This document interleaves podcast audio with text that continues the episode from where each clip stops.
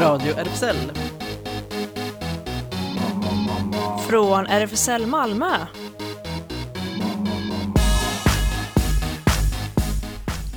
Välkommen till Radio RFSL, Riksförbundet för homosexuella, bisexuella, transpersoner, kveras och intersexpersoners rättigheter. Jonas heter jag här bakom mikrofonen och sen har vi Ellen Här är jag. och Claes Yes, med sin lilla iPad. Ja, Har du använt den för att, eller har du haft något problem med den och gått till te Teknikcaféet på tisdagar nej, på RFSL Malmö? jag har inte behövt göra det. Jag är rätt så hemvan med min iPad numera. Det här är nog nummer tre eller fyra tror jag i ordningen. Mm. De blir bara behändigare. Eller hur? Ja. Ja, snart ser man inte ens Nej, att du har det. den i handen längre. Nej, och man kan vika ihop dem och stoppa dem i fickan snart. Just det. Mm. Ja, vi hälsar till Betlehem som inte är med oss idag. Men eh, ja, vi har eh, ändå ett fullspäckat program kan man väl säga. Och eh, inte minst sagt på grund av ett pågående val. Ah, ja, detta eländiga val de har i USA med detta konstiga valsystem. Mm. Och där Trump då utropade sig själv till vinnare i morse. Redan. Mm, just det, jag tänkte säga det är en sån klassisk diktatorgrej som man brukar eh, se i andra länder också. Mm. Uh, då tänker man bara det är ju roligt att vi kan prata så jättemycket dåligt om Ryssland men eh, samtidigt, alltså, han är ju som ett, som ett barn nästan. Och som ni vet när man har så här bordslekar eller så och sen eh, är man på väg att förlora så bara nej! Och så slänger man ner hela, Ett jättedåligt spel. exakt. Ja, men han fick ju tydligen lite smäll på fingrarna av eh, Twitter. De la väl in någon grej om att ops, det här är Ja, desinformation. Det är presidenten men det är ändå fake news. Ja. Tack! det är ju det. Annars men, hade eh, man inte anat. det. Det står ju och vacklar nu så att eh, plötsligt är det nu Biden som, som leder Mm. Till presidentens vansinniga vrede. Ja. det har ju varit, vad jag förstår, de två största eller mest avgörande faktorerna. Dels de här eh, så kallade vågmästardelstaterna eh, och sen att eh, många fler i år än tidigare år har eh, röstat, poströstat då, Ja, i och med pandemin och då är också frågan om det är större andel republikaner eller, eller det jag har hört är att det är, det är större andel ehm, eh, demokrater som har poströstat och poströsterna kommer ju in senare, de räknas senare. Så att då kan det till en början se ut som att det är fler republikaner eller att de är i ledning. Eh, men efterhand när de räknar allt fler poströster så Och därför vill Trump att man inte ska räkna fler röster nu. nej, Mm. just det. Men vi återkommer till det. Alldeles strax, precis. Och sen har vi, eh, du Claes, du har med dig lite teatertips i bagaget mitt i coronakaoset. Ja, jag tänkte det kan vara bra. Man kan, en del kan man se och höra på nätet och sånt där. Men annars är det bra information överhuvudtaget. Just det. Jag tänkte vad bättre skulle passa med, med en låt som heter Hot Stuff som vi nog alla känner igen. är ju ganska så populär i, uh, vad ska man säga, i um, queerkretsarna också.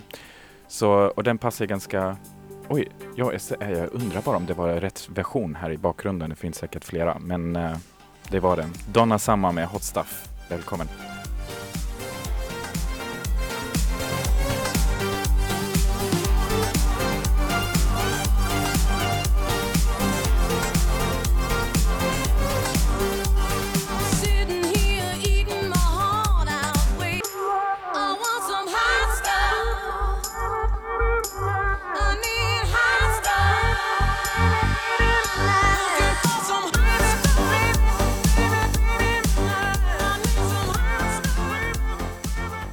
Ja, Hot Stuff i, eh, av Donna Summer och Hot Stuff i USA generellt just nu, eller hur? Det är ju det. Vi får leva i spänning och det skulle ju kunna dröja upp till tre, fyra dagar innan det riktigt är avgjort enligt rapporteringarna. Mm. Jag hörde en hel del på den här extra sändningen eller valvakan på P1 bland annat eh, och som sen fortsatte i Studio 1 idag i eftermiddag. Och eh, de pratade ju, ja de hade ju varit eh, några rep- reportrar som var på plats på olika ställen i USA hade ju träffat olika väljare, både republikaner och demokrater som, som hade, många hade uttryckt oro eh, över eh, vad som händer oavsett vem som vinner. Att de tror att ja, oavsett vem som vinner så kommer det finnas folk som är missnöjda och som kanske tar till vapen eller så. Ja, det är ju det hemska att det är så vansinnigt mycket vapen. Och folk har ju hamstrat vapen nu inför valet också. I synnerhet republikaner. För att om Demokraterna skulle vinna så kanske de förbjuder vapenköp och sånt där har de tänkt sig. Ja, bland annat det. Ja, jag såg också att Walmart först hade, först hade de tagit, de säljer ju vapen, eller de I säljer ju snabbköpet. Ja, Ja. precis. Eh, och de har ju tydligen eh, ryckt bort dem från hyllorna först men sen lagt tillbaka dem och börjat sälja igen. Och jag vet inte, jag fattar, fattar inte riktigt eh, vad som låg bakom beslutet att, att börja sälja igen. Det var Men- väl den här tillägget till konstitutionen som inte fick åsidosättas kanske. Ah, kan vara så. Varje amerikan har rätt att bära sitt vapen. Ah, så då ska de inte strypa Nej, gud. tillgången. Nej. Viktigt att hålla på just den. Ja, det är den viktigaste. Sen yttrandefrihet och sånt där. Skitsamma. Ja. Ja, och eh, just nu så är det ju verkligen så att, eh, eh, ja kanske för fyra år sedan så var det mer tydligt på ett annat sätt att man vaknade med den här skräckberättelsen. Alltså här, är det här en dröm? Nej, Trump har vunnit på riktigt. Men nu i morse när jag vaknade så var det ju liksom den här, eh, det är inte klart vad det är som händer. Och eh, det är mycket oklart fortfarande och det var också det du sa Ellen ehm, lite så här i backstage-snacket innan eh, sändningen att det är ju också på grund av att eh, mitt i corona och det är många fler som har röstat eh, genom eh, brevval, eller hur? Ja, dels är det ju fler, men sen eh, av de som ändå har gått till vallokalerna för att eh, förtidsrösta så har det också varit enorma köer. Det har jag sett mycket om att det är människor som har köat från tidig morgon till, ja, till sent på dagen. Också liksom 11-12 timmar har de väntat. Eh, och att det såklart påverkar också för att det begränsar ju då val, eller möjligheten att gå och välja på eh, förtidsrösta på Mm. lokal till de som då känner att de kan stå där i så många timmar. Och där har ju tydligen också då i synnerhet republikanskt styrda städer och sånt där gjort det väldigt, väldigt krångligt för fattiga mm, stadsdelar. Tagit bort en massa vallokaler så att de har en enda att gå till och då blir det ju jätteköer förstås. Mm. Ja, visst. Och det lär ju ha bidragit ytterligare till eh, det strukturella problemet som funnits länge. Just att, att det har varit eh, framförallt svarta eh, och eh, andra rasifierade amerikaner som, som det har liksom slagit hårdast mot eller där det har liksom upprättats flest eh, vägspärrar kan man säga. Liksom, eh, gjort det svårare för dem. Än, och, och i praktiken då så, så innebär det ju att det, det blir eh, lättare för en, liksom en större del republikanska väljare. Eh, Men det som vi också kan notera är ju att det finns eh, andra resultat. Det är ju inte bara själva Eh, presidentvalet. Det är ju många andra val som eh, pågår också samtidigt. och representanter till delstatsstyren har ju utsatts och där kan man nog notera att på flera håll har det ganska, ja, har det blivit ganska historiskt faktiskt. Och det finns flera markörer då på hbtq-kartan. Eh, valet i senaten kan ju fortsatt komma att dröja flera dagar men det står redan nu klart att Sarah McBride blir historiskt och hon blir den första transpersonen att vinna en plats i delstatssenat. Ja, i Delaware. Så det får vi ju gratulera Delawareborna till att ha fixat detta. Just det, hon sa ju, eller hon skrev eh, efter segern att jag hoppas kvällen visar en ung transperson att vår demokrati är stor nog för dem också. Det var lite, eh, ja, en liten sån hoppglimt där. New York valdes två svarta gaykillar in i kongressen. Mondaire Jones och Richie Torres. Och det ses ju förstås också som ett stort framsteg. Båda är hbtq och ja, kul. Fler öppet av oss in i alla möjliga Just det. Så det, ja, det, det får man ju inte glömma bort liksom. Det, tänker jag, eh, det kan man ju också så här, tänka att i ett val och eh, så här, inom demokratin att det är det som är ändå rätt så tacksamt att det inte, även om Trump gärna framställer sig som en sån, men det är inte bara han som avgör allting ändå. Nej. Så Mm. Ja, det är inte enbart presidentvalet. än även så om länge är han fokus- inte diktator än. Nej, han- precis. Officiellt åtminstone. Om han nu avgår med segern nu och blir fyra år till, då är vete 17 om han inte kommer att vara diktator när Mm. de fyra åren har gått. Han gör ju allt för att montera ner alla sådana här demokratiska institutioner. Mm. Sen är det också, eh, det är lite sån eh, överledning till nästa låt, You're not good enough. För att det har ju också noterats att ehm, Ja, visst vill man inte ha Trump, men sen har det också varit så lite så här, ja, Biden är nog inte så, så, så eh, att han skulle vara liksom raka motsatsen och liksom paradis uh, choice liksom för presidenten. Så att Um... Men ändå så, Trump har ju på alla sina valmöten varnat sina följare för att om Biden, Sleepy Joe, tar över, då blir det socialistisk diktatur i det här landet. Och alltså hur kan man? Enligt amerikanska mått. Ja. Han är ju högerradikal enligt svenska mått, Biden. Ja. ja, så det är därför jag tänkte You're not good enough of Blood Orange. Så Passande. passande, eller hur?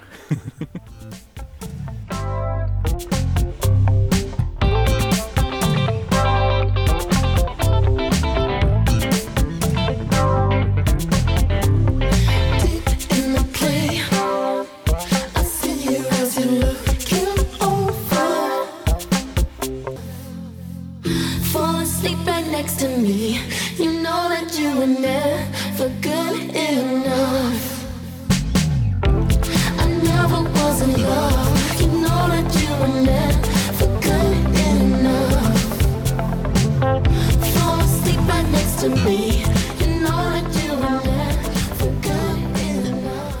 Du lyssnar på Radio RFSL Blood Orange som förresten en liten hint till Det händer redan men eh, också är en, en, en väldigt, ett väldigt viktigt musikaliskt bidrag i en ny tv-serie som Ellen och jag har kollat på. På HBO eh, är den, visas den nu, jag tror det är åtta avsnitt, eller hur? Ja, det Ja. stämmer. Så vi ska senare berätta lite om den. Åh, spännande. Ja. Men du har också något spännande här. Ja, good enough måste man nog säga att bröllopstårtan kan bli som nu kommer på Intiman. Ni kanske minns det här uppmärksammade fallet i USA för några år sedan där en bagare i Colorado vägrade göra bröllopstårtan när David Mullins och Charlie Craig skulle gifta sig. De kände sig med rätta diskriminerade och vann i flera lägre rättsinstanser som vi berättade här i radion 2017. 2018 hade fallet nått ända upp till USAs mäktiga högsta domstol och där fick bagaren märkligt nog rätt. Han hade alltså med utgångspunkt från sin religiösa tro vägrat att använda sin tårttalang för att ge stöd åt eh, samkönade äktenskap och fick det godkänt av domarna. Det här fallet fick den etablerade författaren Rebecca, eller Becka som hon kallas, Brunstetter att skriva komedin The Cake som nu med namnet Bröllopstårtan vandrat runt i Sverige genom ett samarbete mellan Riksteatern och Malmö stadsteater. I Malmö är det premiär den 11 november. Och så här presenteras föreställningen på Stadsteaterns hemsida. Hur kommer det sig att du har de moraliska åsikter du har? Är de bara antaganden eller hänger det ihop med din uppfostran? Stad står mot landsbygd och generationskrockarna är ofrånkomliga i denna roliga, intelligenta feelgood komedi. Så står det och det står också fortsatt att allt går bra för Della och hennes bageri i den lilla staden i North Carolina. Hennes tårtor är legendariska och hon har just blivit utvald att medverka i tv-showen Hela USA bakar. När bästa vännens dotter eh, Jen kommer tillbaka hem från New York och ber henne göra tårtan till hennes bröllop, då blir Della först överlycklig. Men när hon får reda på att Jen ska gifta sig med en kvinna tvingas hon ifrågasätta både sin tro och sin moral och idén om hur ett äktenskap egentligen ska se ut. Dellas funderingar startar en kedja av nya infallsvinklar och känslomässiga förändringar som eh, även får henne att tvivla på sitt eget äktenskap. Della spelas av Kajsa Ernst, i vanliga fall på Helsingborgs stadsteater och Jen av Malin Karlsson. Föreställningen som nu går på turné i Sverige har redan recenserats i bland annat DN och så här skrev Niklas Wahlöv där. Kajsa Ernsts Della skalar lager efter lager från sig själv och liksom smakar på dem.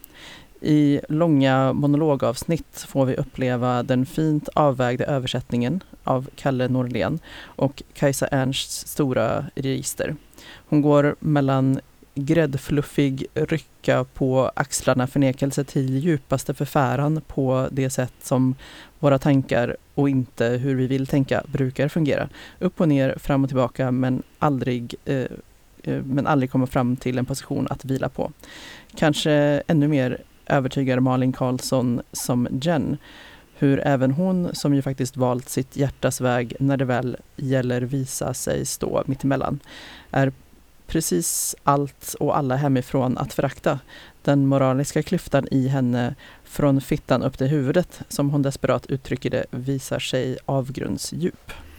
Ja, föreställningen har i oktober visats på Stora Teatern i Göteborg och får alltså nu den 11 november premiär på Intiman här i Malmö. Eftersom man tvingas fortsätta med bara 50 personer i salongen är det mesta redan utsålt tyvärr. Men satsa på återbud och det kanske kommer även på nätet, vem vet. Den spelas fram till den 28 11 i alla fall. Och så här presenteras föreställningen av Malmö Stadsteaters chef Kitte Wagner. Bröllopstårtan eh, som vi gör tillsammans med Riksteatern eh, är en, något så sällan som en riktigt well-made romantisk komedi. Uh, och, och settingen eh, eh, är, uh, är som uh, vi känner det i, i alla västliga länder just nu, men i Sverige heter det ju Hela Sverige bakar. Och huvudpersonen Della, hon är en sån som medverkar i en baktävlingsprogram. Hon har en speciell relation eh, till en yngre tjej eller ungdom som heter Jen. Och hon ska gifta sig. Uh, uh, Jens mamma var huvudpersonens väldigt nära väninna men hon gick bort. Så man förstår att hon har varit en sån sorts ersättningsmamma för henne. Uh, och därför är det nästan som att det var hennes egen dotter som nu ska gifta sig och som kommer resa ner från huvudstaden, hon bor på landet, hon reser ner och säger please vill inte du baka min bröllopstårta, jag vill så gärna. Det skulle betyda mycket för mig. Och hon tackar självklart ja. Men sen upptäcker hon att Jen ska gifta sig med en kvinna. Och inte bara en kvinna, men en afroamerikansk kvinna. Uh, och det blir eh, början på alla möjliga dilemman och konflikter. Så det är en komedi. Det är en happy end på slutet. Um, men uh, mellan början och slutet händer ganska mycket på ett roligt sätt. Men också så man får gråta lite, precis som man ska göra i en romantisk komedi. Man ska gå och se den eh, för vi har äh, äh, rätt person för huvudrollen. Kajsa Ernst ska göra dela huvudpersonen. Uh, men också på grund av att det, eh, det är en riktig eh, det är en riktigt bra text.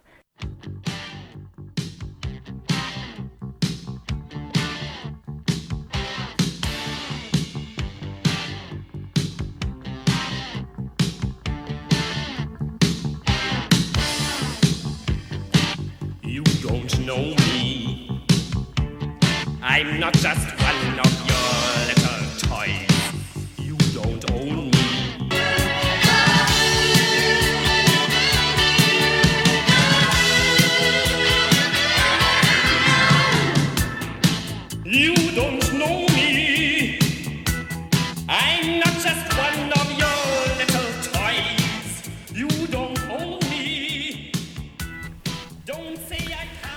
Klaus Nomi har inte så mycket med bröllopstårtan att göra men man kan ju säga att han såg ut som en bröllopstårta. Han var klädd i tårtpapper och väldigt egendomliga utstyrslar. Klaus Nomi var eh, öppet HBTQ. Han var nog alltsammans tror jag på en gång. Eh, dog redan 1983 eh, i aids och han var en av de allra första som kom ut öppet med att han hade aids. Eh, och man hör ju på honom att han kom från Tyskland. Så det kan du berätta lite mer om sen Jonas kanske. Men det har blivit en eh, opera eller en show på Operan i Stockholm om Klaus Nomi som heter bara så, Klaus Nomi. Under drygt en timme så gestaltar där operasångaren Richard Hamrin den här gränsöverskridande artisten som blev en kultfigur i 70-talets New York och dog i aids alltså 1983. Att han snart ska dö, det slås fast redan från början i den här pjäsen. Nomis första replik är Vi har inte så mycket tid på oss, i alla fall inte jag. Och den här texten är skriven av Lukas Svensson i regi av Sunil Munshi. En spektakulär scenografi eh, presenteras av Linus Fällbom. Och ja, om man ska berätta lite om eh, Klaus Nomi. Han föddes egentligen som Klaus Sperber i en liten bayersk alpstad eh, 1944. Och sen var han i Berlin och studerade musik där och arbetade som vaktmästare på Deutsche Oper. Och efter föreställningarna sjöng han för de andra i personalen som fick en liten extra föreställning där. De, eh, Delilas förförelsearia ur Sanson Simpson av eh, Delila var hans eh, paradnummer faktiskt. Och det blev också med den han överraskande slog igenom på gayklubbarna i New York när han då 1972 hade flyttat dit. Och kring den bubblande konstscenen i 70-talets East Village då möter vi eh, i den här showen både Andy Warhol och David, David Bowie och där gör Nomis futuristiska kabaréestetik riktig succé. Han ser, ja, som du beskrev det lite med de här tårtklänningarna. Han ser sig som en utomjording, en alien från framtiden och där människorna är gjorda av plast. Um, det är verkligen, ja, det är en strålande föreställning, så beskrevs den i alla fall av Bo Lövendal i SvD. Eh, och det kan man läsa lite mer också om på Operans hemsida, operan.se. Så, ja. Den Jag kan ju säga också att vi startade ju den här radion som då hette Malmö Gay Radio 1982 och det var strax innan han dog, Klaus Nomi. Mm. Och vi spelade väldigt många av hans låtar väldigt många år framöver. Ja, och vi kan också berätta att Primadonna eh, hade premiär på Stockholm Opera den eh, 10 oktober och fortsätter till den 14 november. Text och musik av Rufus Wainwright och regi av Mårten Forslund. Rufus Wainwrights opera Primadonna är ett porträtt av en drama queen med många drag av tonsättaren själv. Enligt Eh, Elin Rombo briljerar i titelrollen. Den handlar om en tidigare bejublad operasångerska i Paris som tappat rösten men nu vill börja framträda igen. Primadonnan Regine från Kanada som Wainwright själv är förstås på många sätt ett självporträtt. Wainwright beskriver hur det är att vara en drama queen. Det är också denna starkt personliga ingång som gör verket intressant, skrev Bo Lövendal i sin Eh, sin recension i SVT. Som operakompositör befinner sig Rufus Wainwright helt utanför de allmänna strömningarna och ibland kan det låta som om musikhistorien passerar förbi. Texten är full av blinkningar till operahistorien. Uh, och här kommer Rosenkavaljen. Här är det Tristan och Isolde, Madame Butterfly, Tosca, ja. Ja. Och många fler. Och det som är bra med den här är faktiskt att den visas också på operanplay.se då från 28 eh, november. Um, också på, vad är det för sida? Operavision.eu. Är det någon eh, lite mer internationell operasida? Ja, den har vi berättat om tidigare här i radion. Det är många operor från hela Europa som där samsas och lägger ut sina föreställningar. Just det. Men ska vi lyssna kanske lite på Prima Donna då? Ja, Av eh, Mr Himself, akt nummer två. Det var Det där. ouvertyren där till Ja. andra akten. Ja.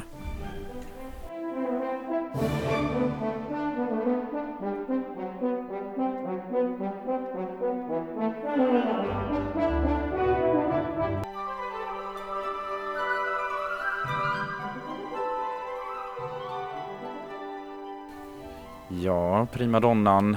Från eh, riktigt operamusik här på Radio RFSL över till någon helt annan sorts musik, nämligen veckans låt. Precis. Veckans låt från Fingerlicken eh, presenteras denna gång av eh, DJ Ekalif och eh, så här skriver hen. Coolie G, eh, This Tribal Boy, släppt på hennes egna eh, label Dub Org, eh, Organizer 2011. Coolie G, a.k.a. Marissa Campbell, kommer från eh, Brixton i England och är en framträdande producent i Storbritannien och har släppt musik på bland annat Hyperdub Record och sin egna eh, label Dub Organizer. Hennes stil är väldigt originell och straightforward med sina mörka basgångar, torra beats influerat av bland annat afrobeats, electro house och dub. Hon skapar intressanta och sväviga dub-ekon med sina egna drömmiga vocals och jobbar med lager på ett kaxigt minimalt sätt. Coolie G är en av få kvinnliga producenter som har inspirerat min musik som jag, Ekelif, skapar idag.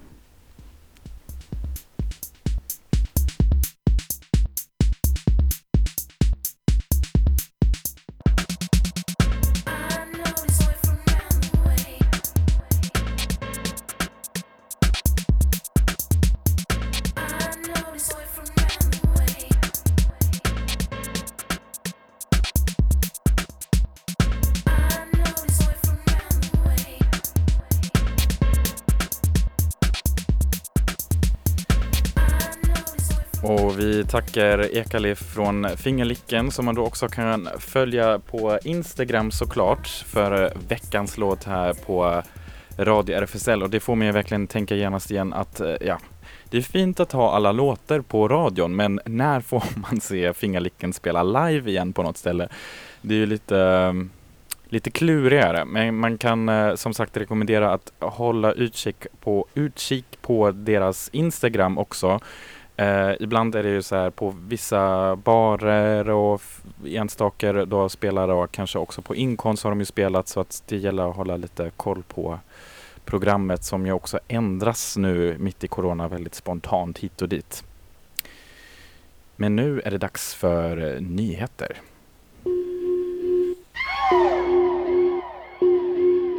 Radio RFSL.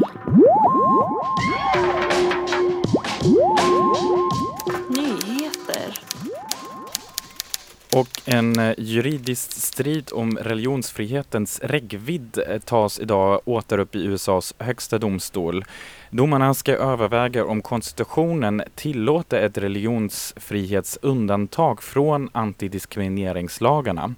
Tvisten mellan staden Philadelphia och en katolsk välgörenhetsorganisation som vägrar att placera barn i fosterhem med par av samma kön blir den första med den nyinsatta domaren Amy Coney Barrett i tjänst och domslutet kommer sannolikt att få en rikstäckande inverkan.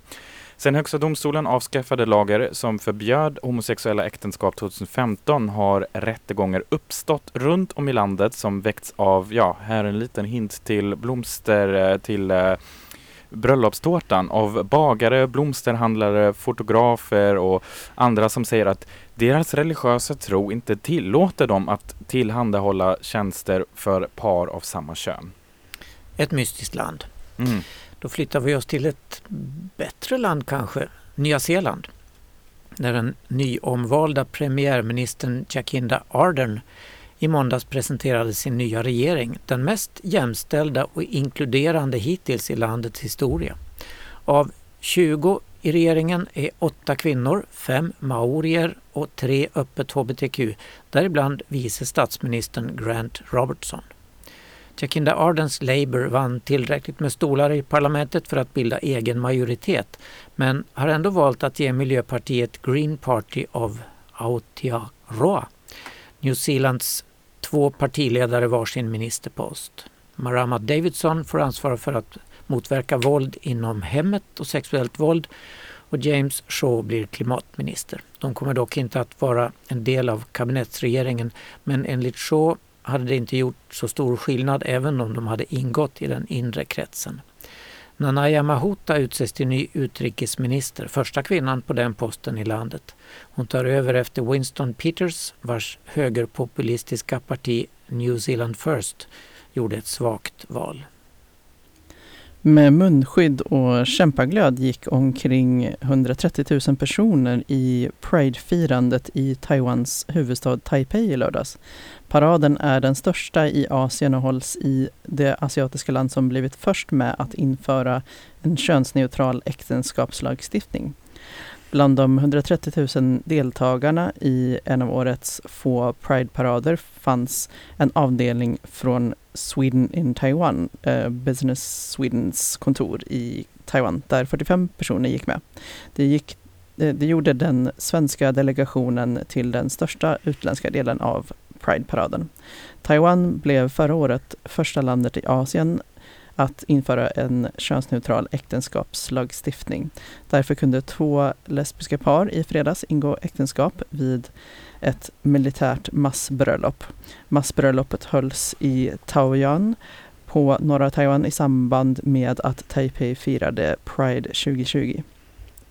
Paren Yi Wang och Yumi Meng, liksom Chen Ying San och Li Chen bytte ringar och gratulerades av bland andra general Chen Paoyu. Grattis säger vi också till de nygifta. Sedan den norske fotbollsdomaren på elitnivå Tom Harald Hagen den 26 oktober i tidningen Glåmdalen kommit ut som homosexuell har han hyllats av ett enigt fotbolls-Norge. Domaren kom ut bara dagar efter ett gräl i en match mellan, mellan Kristiansund och Vålerenga och har fått stor uppmärksamhet. Kristiansundsspelaren Flamor Kastrati, egendomligt efternamn, med kosovoalbansk bakgrund kallade plötsligt tränaren i Vålerenga, Dag Eiliv Fagermo, för en jävla super. Jävla bög betyder det. Skällsordet hördes via en mikrofon i närheten av planen. I pausen förklarade norskfödde och i Norge uppväxte Flamor att han inte visste vad ordet soper betydde. Att han hört det ofta men trodde att det var ett ord för idiot. Under matchen var Tom Harald Hagen huvuddomare men valde att inte avbryta eller dela ut rött kort. Han förklarar att han, varken han eller de andra domarna hörde den här kommentaren. Att Tom Harald Hagen valde att komma ut dagen efter den homofoba incidenten förklarar han med att tiden är mogen. Han säger till Aftenposten att han inte tror att detta kommer att vara annat än positivt för honom. Nu eh, går vi till eh, Norges grannland tillbaka till Sverige och eh, Mian Lodalen fick under söndagen nämligen ta emot Jörn Svensson-priset på 10 000 kronor från avgående partiledaren Jonas Sjöstedt vid Vänsterpartiets kongress.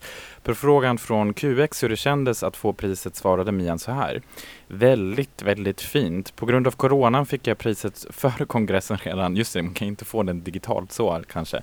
Och det var samma dag som nomineringarna till Augustpriset offentliggjordes och jag sa att Jörn Svensson-priset smäller högre för mig faktiskt. Jag hedras för lång och trogen kamp fällde ett par tårar när Jonas Sjöstedt läste upp motiveringen. Och eh, Mian är också just nu aktuell med den prisade boken om Lisa och Lilly och syns därför nästan överallt faktiskt. Hennes varmaste förhoppning just nu är att boken ska bli en film. Så det kanske vi kan hoppas på. Det hoppas vi. Ja, så vet jag inte heller om, eh, då, om hon kanske skulle bestämma sig för eh, den här låten som kommer nu att ta in den i soundtracken. Men ehm, um, det är en kompis till mig som, uh, som spelade den för mig igår.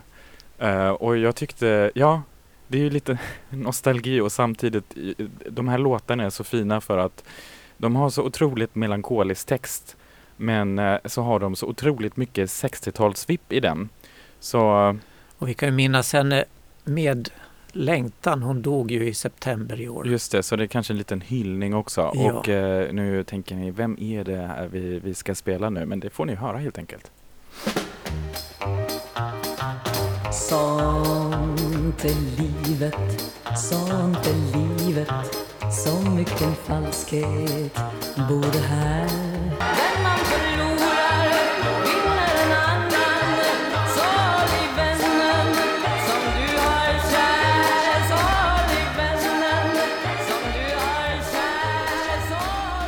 vi dansar här i studion. Ja men visst svängde det om Anita Lindbom. Ja, verkligen. Ja, det var väldigt fint och ehm, jag tänker att ehm, ja, soundtrack, det är ju, skulle verkligen eh, vara en, kanske en bra låt. Vi kanske kan rekommendera den till Mian då om hon vill att eh, hennes bok ska bli en film. Jag vet inte om den passar in, men bara en sån liten tips. Eh, en annan tv-serie som har fått väldigt eh, mycket uppmärksamhet också på grund av musiken, bland annat för att Blood Orange eh, spelar en väldigt stor del av den här tv-serien är We Are Who We Are. Och Ellen, du har tittat färdigt på den helt. Precis, hela säsongen, alla åtta avsnitt. Jag har precis idag kollat färdigt på avsnitt nummer sju. Så det återstår ett till avsnitt och eh, det är ju en, eh, ja den här serien fick ju väldigt mycket uppmärksamhet redan innan den ens satte igång för alla fans av Call Me By Your Name. För det är ju samma regissör då, Luca eh, Guada, någon som får hjälpa till här. Luca Guadagnino som gör den här tv-serien om ett gäng tonåringar på en amerikansk militärbas i Italien.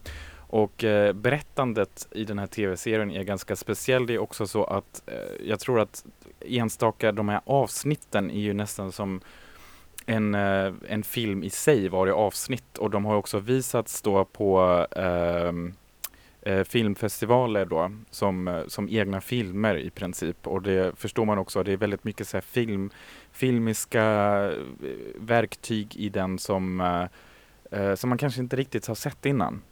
Eller hur? Jag vet inte om du håller med där men Ja, jag tycker också det. Ja, alltså hur, eh, utan att avslöja något, men jag tänker på sekvenserna, eller jag vet inte om du tänker det, mm. eh, bland annat, ja precis, att man, att man kan följa till exempel en karaktär eller ett, eh, få karaktärer eh, genom liksom en sekvens och sen går man tillbaka och ser vad som pågick medan det pågick hos dem så pågick någonting annat hos några andra som man sen följer. Jag Ja. tänkte på en, det var ett grepp som jag tänkte på att man nu. Precis och sen också som sagt så här, kameravinklarna och ibland stannar det upp eh, i, i, mitt i och då tänkte jag först så här, nej just det, nu har mitt internet hakat upp sig i bilden men sen var nej konstigt, musiken fortsätter ju ändå. Och Lite så här, eller att det är väldigt mycket så här brum, vibration av eh, personernas eh, mobiltelefoner och så var jag genast så här, kollade, ja ah, det är min mobil som ringer nu eller? Så det är en väldigt stimulerande tv-serie på många olika sätt faktiskt. Ja, man får kanske skaffa HBO då för att... Ja, Claes, eh, lite reklam för HBO här.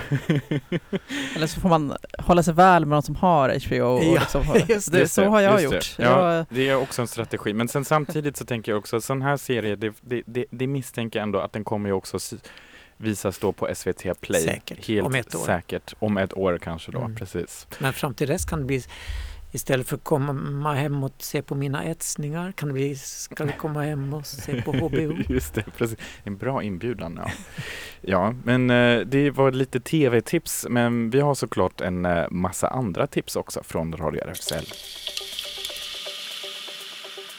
Radio RFSL. Det händer.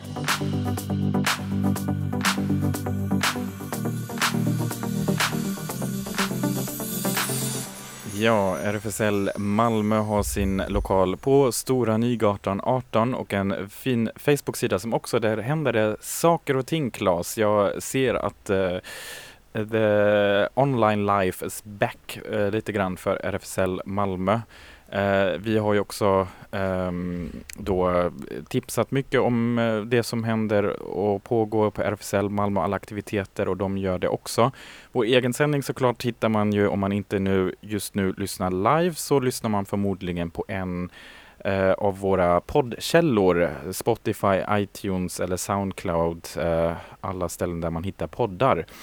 Och eh, vad händer mer? Vad har du för nyheter från RFSL Malmö? Claes? Ja, vi hade ett långt styrelsemöte i måndags där vi diskuterade där. Ska vi fortsätta vara live eller ska vi gå över helt till till exempel Zoom eller sånt där. Men vi bestämde att vi ska vara live i stort sett. Newcomers fortsätter som vanligt på fredag eftermiddagarna. Och eh, kaféerna på tisdag och torsdags eftermiddagarna fortsätter också live. Och seniorträffarna på söndagarna. Men där ska vi försöka vara utomhus eller på annat sätt så mycket det går. Nu på söndag blir det Inomhus? bowling. Just det. Ja, det blir ju inomhus. Ja. Men vi har fått försäkrat av bowlingstället att det är så tryggt med plexiglas mellan de olika banorna och sånt där. Wow. Och kloten tvättas i sprit hela tiden. De badas i sprit? Ja. liksom. ja. Just det. Det kanske, jag vet inte om det gör det lättare att bowla sen. Ja, Det kanske det Ja. halkar iväg ja lätt.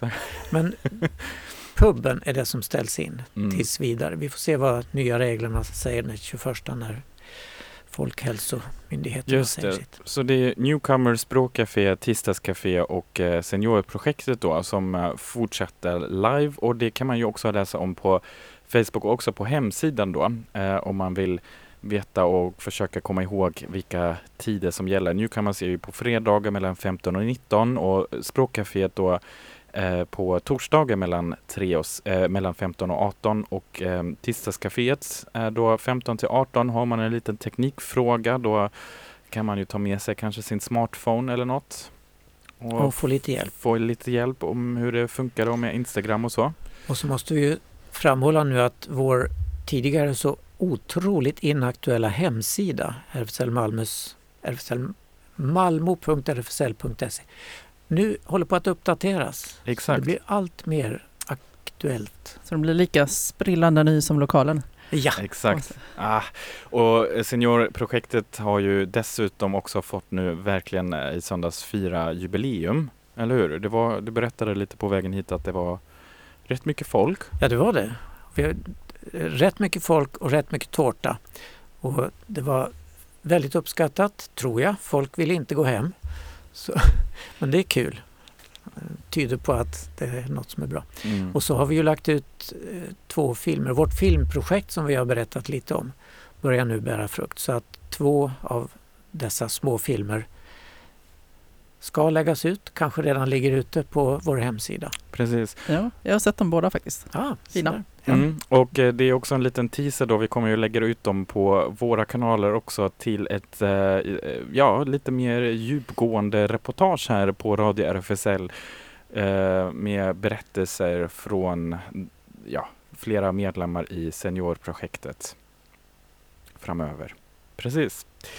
Sen är det Habitat Q, hur eh, det förhåller sig där med Corona tror jag också att de eh, fortsätter ses faktiskt live. Eh, lättast att följa dem på Habitat understreck Q på Instagram på måndagar och onsdagar mellan 17 och 19 för alla mellan 13 och 19 år på Sofielundsvägen 5. Ja, sen nästa onsdag då blir det en massa kollisioner både till lands och i luften höll jag på att säga.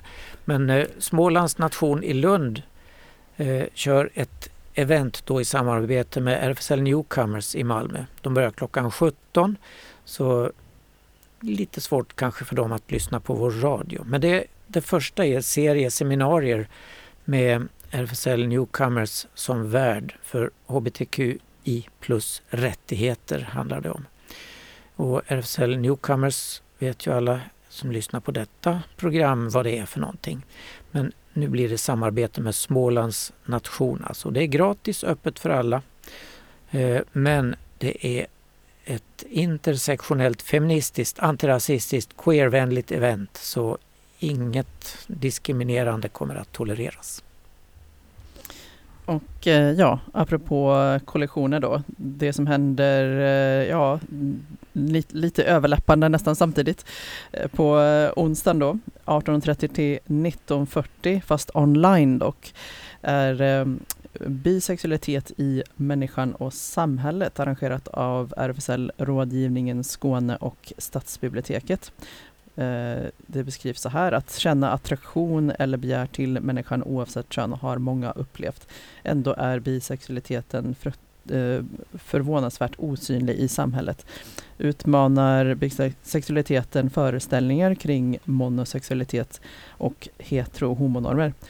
Vad får det för konsekvenser för människor med bisexuell identitet? Rymmer den revolutionär potential och vad tillför begreppet pansexualitet? Ett samtal med sexologen Susanne Larsdotter, som vi faktiskt har haft som gäst, eh, berättade om eh, just det, vad man kunde ha för sig själv i pandemin. Eh, onani. Låten fick vi spela. Ja, just det. Eh, bra syssla i pandemitider. Ja. Eh, det tipsade hon om då. Och eh, så hon är sexolog då och ehm, deltar gör också psykoanalytikern Ulf Stålberg och Eh, RFSLs vice förbundsordförande Frank Berglund. Eh, moderator är Robert Jakobsson, sexolog och reporter. Och eventet sänds då via Kruts Facebook-kanal och länk läggs upp strax innan sändning. Och jag misstänker också att även där faktiskt kan man se det då i efterhand som med många online-seminarier som är då tillgängliga på Facebook även efter de har varit live. Eh, ja, och eh, SLM Malmö såklart, de har sina eh, aktiviteter tror jag fortfarande som vanligt på Sallerupsvägen 30, slmmalmo.se. Medlemsklubb för bara män. De kör på vanliga lördagar, klubbkväll, vanlig klädkod, insläpp mellan 22 och 24. Och på tisdagar är det pub, insläpp 20 till 22, gratis för medlemmar, ingen klädkod. Och som sagt, kolla lite hemsidan där också för specialarrangemang och ändringar. Och nästa lördag då blir det Queer Film Day på Panora. Malmö Queer Film Festival blir i år bara just detta, Queer Film Day. Och det börjar med eh, kortfilmer, Local Heroes, kortfilmer från denna region. Och sen blir det en långfilm faktiskt och den låter spännande, Walking with Shadows. Det är filmatiseringen av Jude Dibias debutroman som har just den titeln. Och Dibia har ju medverkat här i radion. Han var fristadsförfattare här i Malmö 2015 till 16 och han kommer att vara med då för ett samtal efter filmen nästa lördag. Och på söndag Funeral Parade of Roses och det är i samarbete med Queer Film Day så visas en av 60-talets mest upproriska och subversiva kultklassiker. Mm. Så det är också en bra grej ändå att man kan gå på Panora i dessa pandemitider Ja. och sätta sig och mysa sig ner i en eh, biografstol. Det var allt från oss. Tiden flyger! Ja, i luften och i eten och överallt. Vad får vi höra? Med tanken på USA-valet tänkte jag så här, en liten till sån klassiker här då. Heart of Gold, den kanske man känner igen. Okej. Tack för idag. Tack för idag. Hej då!